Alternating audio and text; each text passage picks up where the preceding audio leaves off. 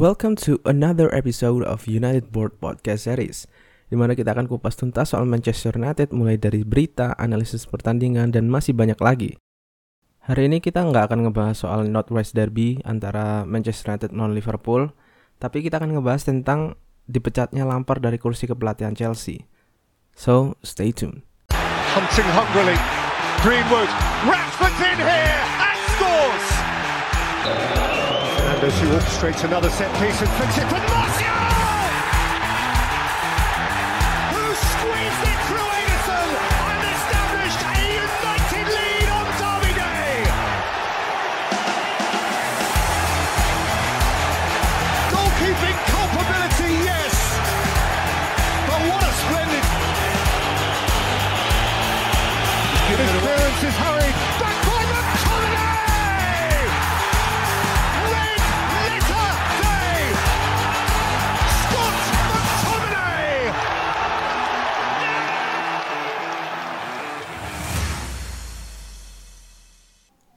Kemarin tanggal eh, hari Senin tanggal 25 Januari 2021 tepatnya jam 5 sore itu udah ada kabar kalau eh, udah konfirmasi ya kalau si manajer Chelsea sekarang udah jadi mantan manajer Chelsea eh, Frank Lampard resmi dipecat oleh manajemen Chelsea gitu. Dan eh, banyak media ini memberitakan eh, si Lampard ini sampai heboh gitu di di Instagram, di Twitter, di media-media Inggris ya bahkan.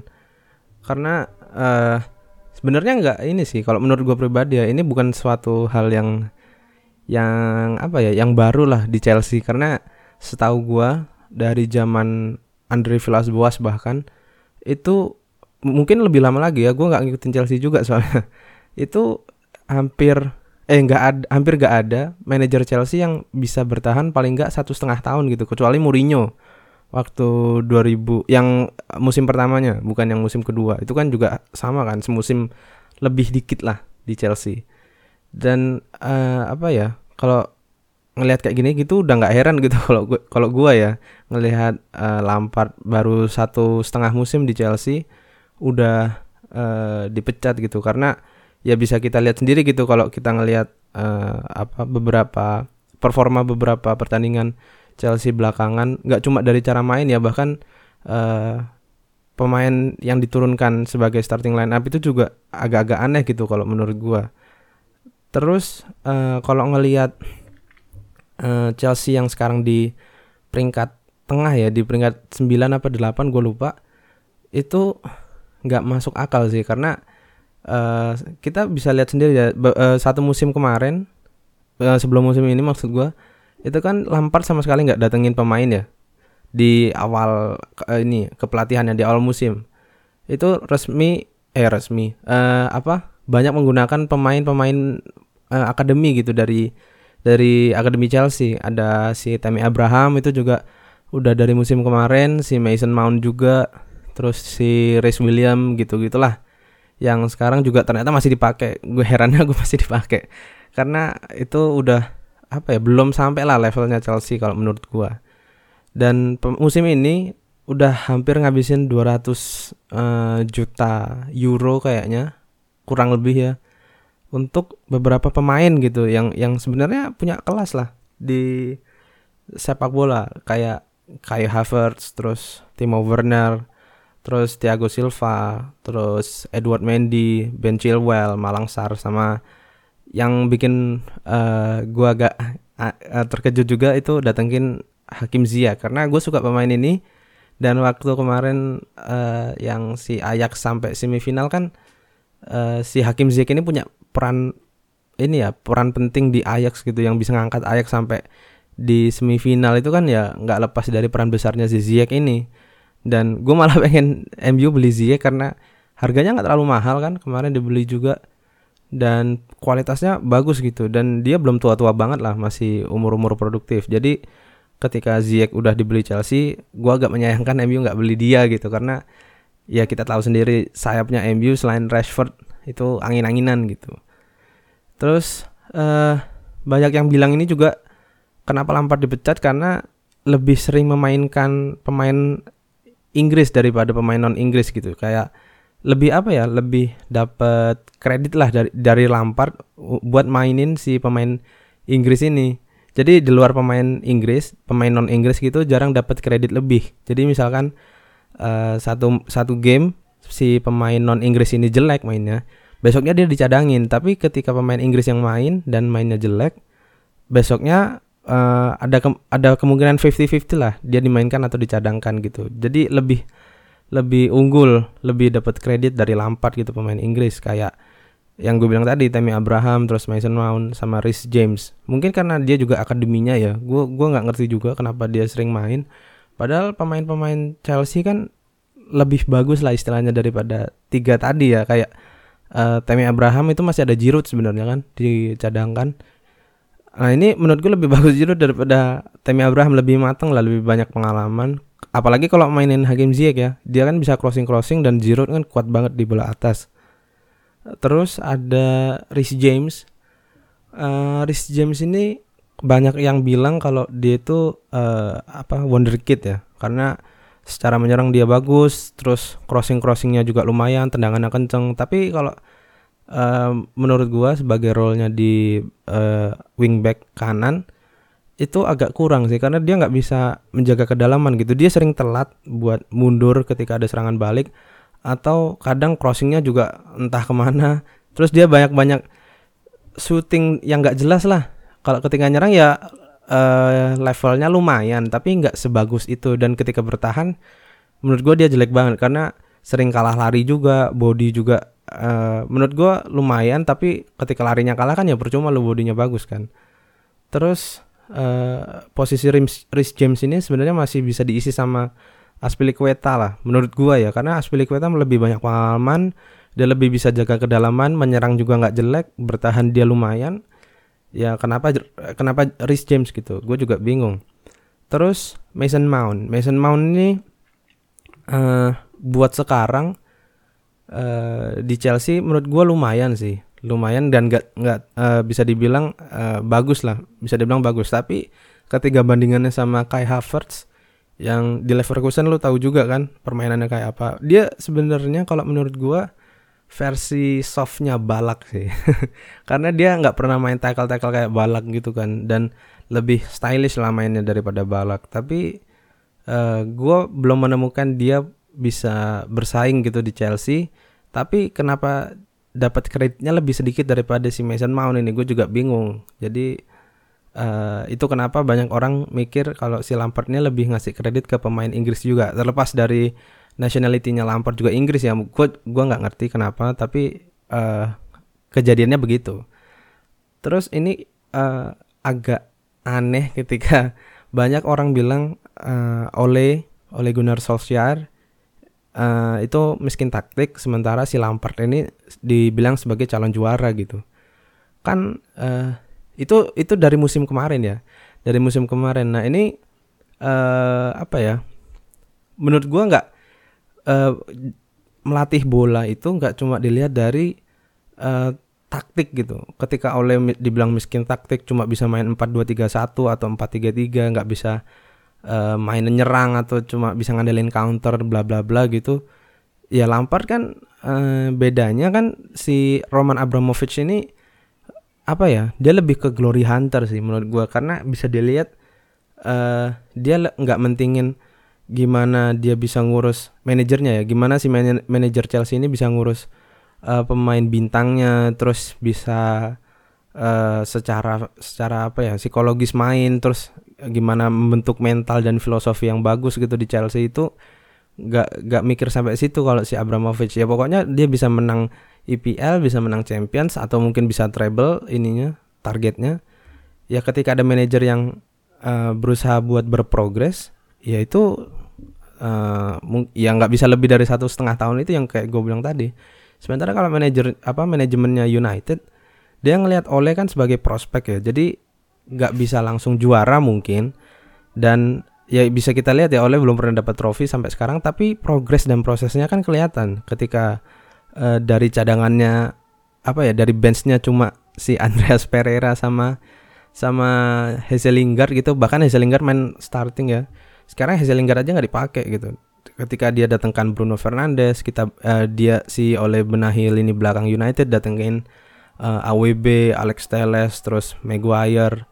Itu kan eh, apa ya? Ada progres lah, ada proses dan ada tujuan yang mau dicapai si Ole ini dengan ya kita tahu lah Ole dari Akademi United itu kan eh, apa ya ikut ikut berkembang lah dari tahun 92 sampai eh, pensiunnya kan dia nggak pernah ninggalin United ya dan dia bareng sama Sir Alex ini bisa nerapin filosofinya lagi gitu. Karena dia paham betul kan apa yang diajarkan Sir Alex di United.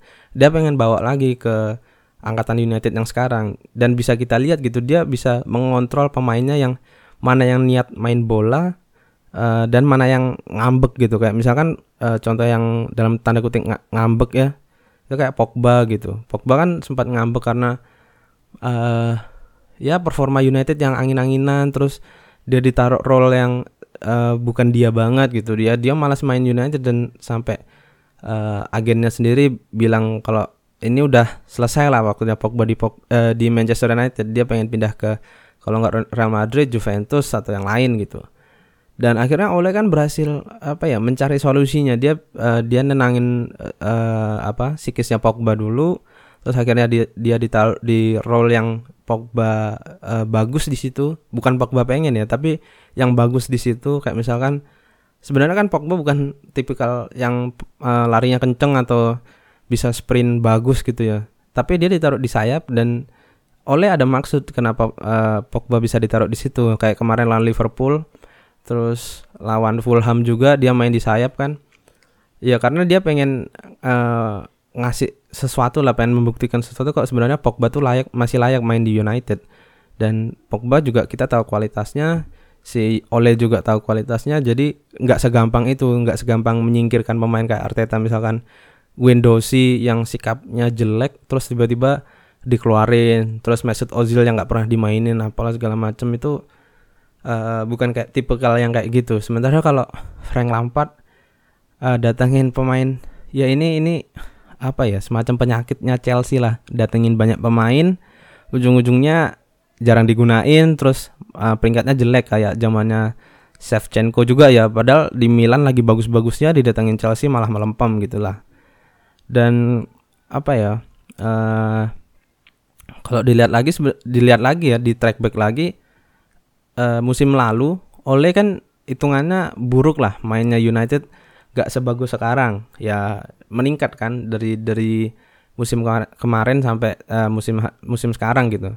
Dan kalau dilihat lagi eh, zaman eh, musim lalu yang MU bisa dibilang ancur-ancuran gitu ya yang cuma eh, apa eh, mengejar peringkat 4 peringkat 4 besar yang masuk Liga Champion itu eh, hampir sama sih sama Lampard yang yang sekarang dipecat ya track recordnya. Dari 29 game eh dari 19 games itu oleh kemarin musim lalu itu ngumpulin 28 poin.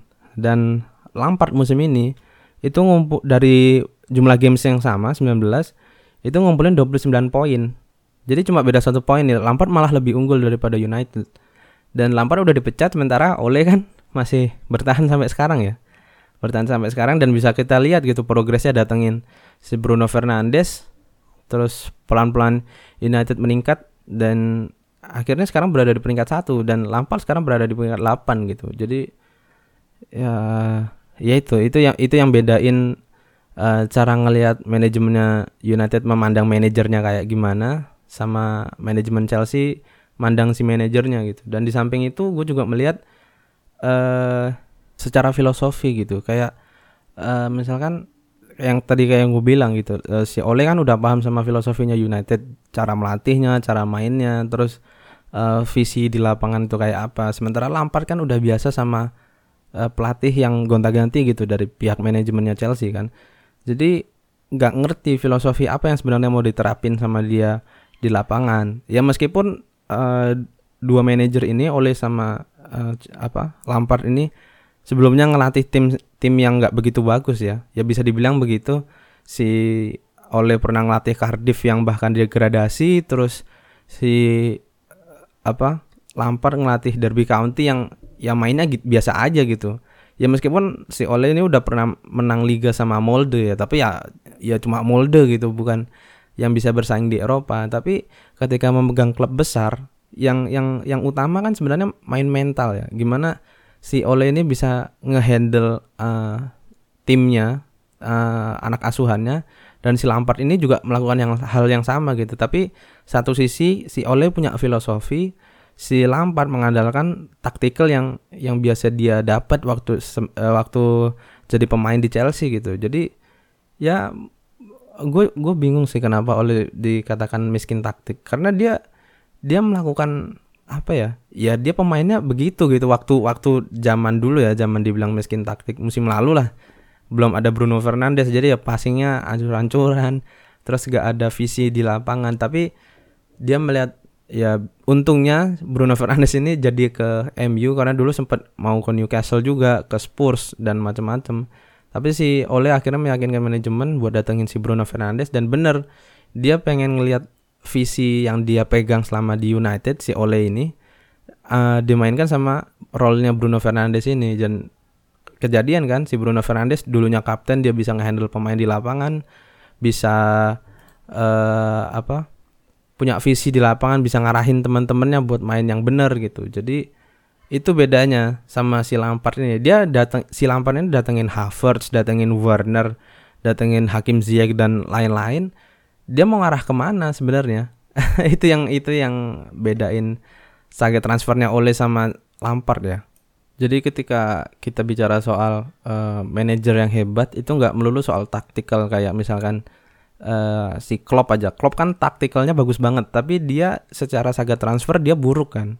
Dia buruk dan gak tahu mau ngarah ke mana gitu. Saga transfernya kayak datengin si siapa uh, Minamino, terus habis itu datengin si Simikas, terus ngeorbitin pemain kayak Curtis Jones, terus Rhys Williams. Itu kan gak ngerti mau ngarah ke mana gitu. Sementara kalau United dia kan ya nerbitin pemain dia bagus kayak misalkan si Rashford, si Greenwood, terus si Brandon Williams. Ya meskipun ada beberapa yang gagal kayak ya, ya kita tahu lah Cameron Borthwick Jackson terus dan lain-lain sebagainya. Ya itu itu pinter-pinternya manajer sih, pinter-pinternya manajer dan gua nggak melihat si Lampard ini bisa melakukan hal itu. Terutama uh, kalau misalkan dari akademi dia orbitin ke tim utama dia menurut gue lumayan bagus ya kayak bisa ngehandle si Tammy Abraham, bisa ngehandle si Rhys James, bisa ngehandle si uh, siapa? Uh, Mason Mount. Itu menurut gue lumayan bagus, tapi kok soal laga transfer uh, saga transfer tuh si si Lampard ini nggak jelas mau ngarah ke mana. Dia mau dia datengin pemain-pemain yang hebat gitu di depan, tapi Werner dia jarang apa sering melakukan kesalahan gitu malah nggak bikin gol malah sering meleset. Terus si Havertz juga belum nemuin gaya mainnya di Chelsea. Dan si Thiago Silva kadang melakukan blunder dan ma macam-macam lah. Jadi ya itu sih kenapa alasan salah satu alasan kenapa uh, si Lampard ini udah dipecat sekarang dan itu yang paling menonjol kalau menurut gua selain dia lebih sering memainkan pemain Inggris ya daripada non Inggris gitu. Ya apa ya? Uh, kalau kita lihat pelajarannya ini menunjukkan kalau hasil itu nggak selalu memenangkan semuanya gitu. Hasil nggak selalu menentukan sukses dari uh, sebuah klub di uh, kancah sepak bola ya terutama kayak misalkan uh, apa ya? Ya uh, Manchester City aja. Manchester City itu juga klub, klub yang dibilang baru kan baru naik waktu setelah 2010 gitu. Dan Chelsea kan uh, sebelum itu ya sebelum itu tapi nggak jauh-jauh banget. Dan apa ya? Visinya itu beda. Sementara uh, si City Manchester City itu visinya itu dia melihat jangka panjang gitu. Dia mau melihat prospek dia mau ngelihat uh, filosofi main uh, gaya gaya bermain di lapangan. Sementara si Chelsea ini kan enggak dia passingnya lebih lebih apa ya uh, cara dia datengin pelatih aja. Misalkan kayak City dia datengin si Pellegrini terus dia datengin si uh, Mancini. Dari zaman Mancini ya Mancini Pellegrini terus uh, siapa? Pep Guardiola. Itu kita bisa lihat tuh secara permainan ya Kalau Mancini dia lebih sering mengandalkan bola-bola efektif. Jadi passing-passing deket dulu terus kalau misalkan bisa lihat kesempatan ada yang uh, masuk ke lini pertahanan lawan, dia bisa kasih terupas yang sangat baik. Ya bisa kita lihat zamannya David Silva terus uh, Yaya Toure bisa ngasih bola ke Aguero yang sangat baik. Terus masih ada tandemnya si Mario Balotelli itu kan itu mengerikan waktu itu. Terus uh, secara permainan dia juga berkembang dari ke Pellegrini dia pengen main passing-passing uh, apa ya passing-passing dekat lah passing-passing dekat terus dia bisa melihat momentum yang pas banget kayak apa terus baru dia kasih ke depan.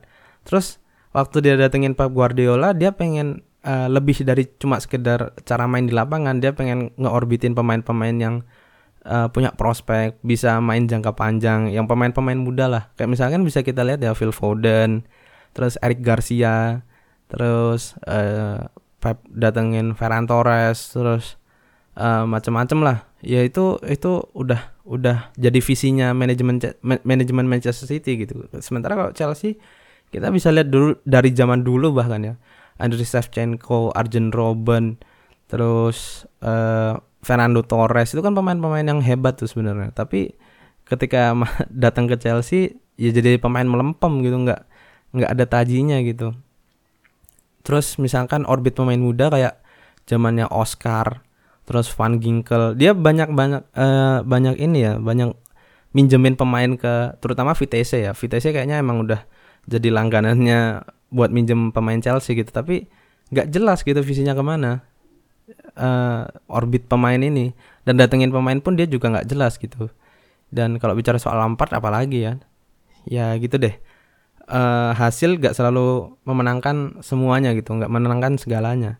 Tapi di balik hasil yang baik itu pasti ada proses yang bagus juga gitu, selalu ada progres yang baik juga. Jadi uh, selamat mencari pekerjaan baru buat Lampard dan thank you for listening teman-teman buat episode kali ini. Jangan lupa dengerin kita di Spotify dan di YouTube, subscribe juga jangan lupa dan uh, kasih like buat kita, oke? Okay? So see you on the next episode and bye bye. Hunting hungrily. Greenwood, Rashford's in here and scores! And Fernandez who orchestrates another set piece and flicks it to Martial!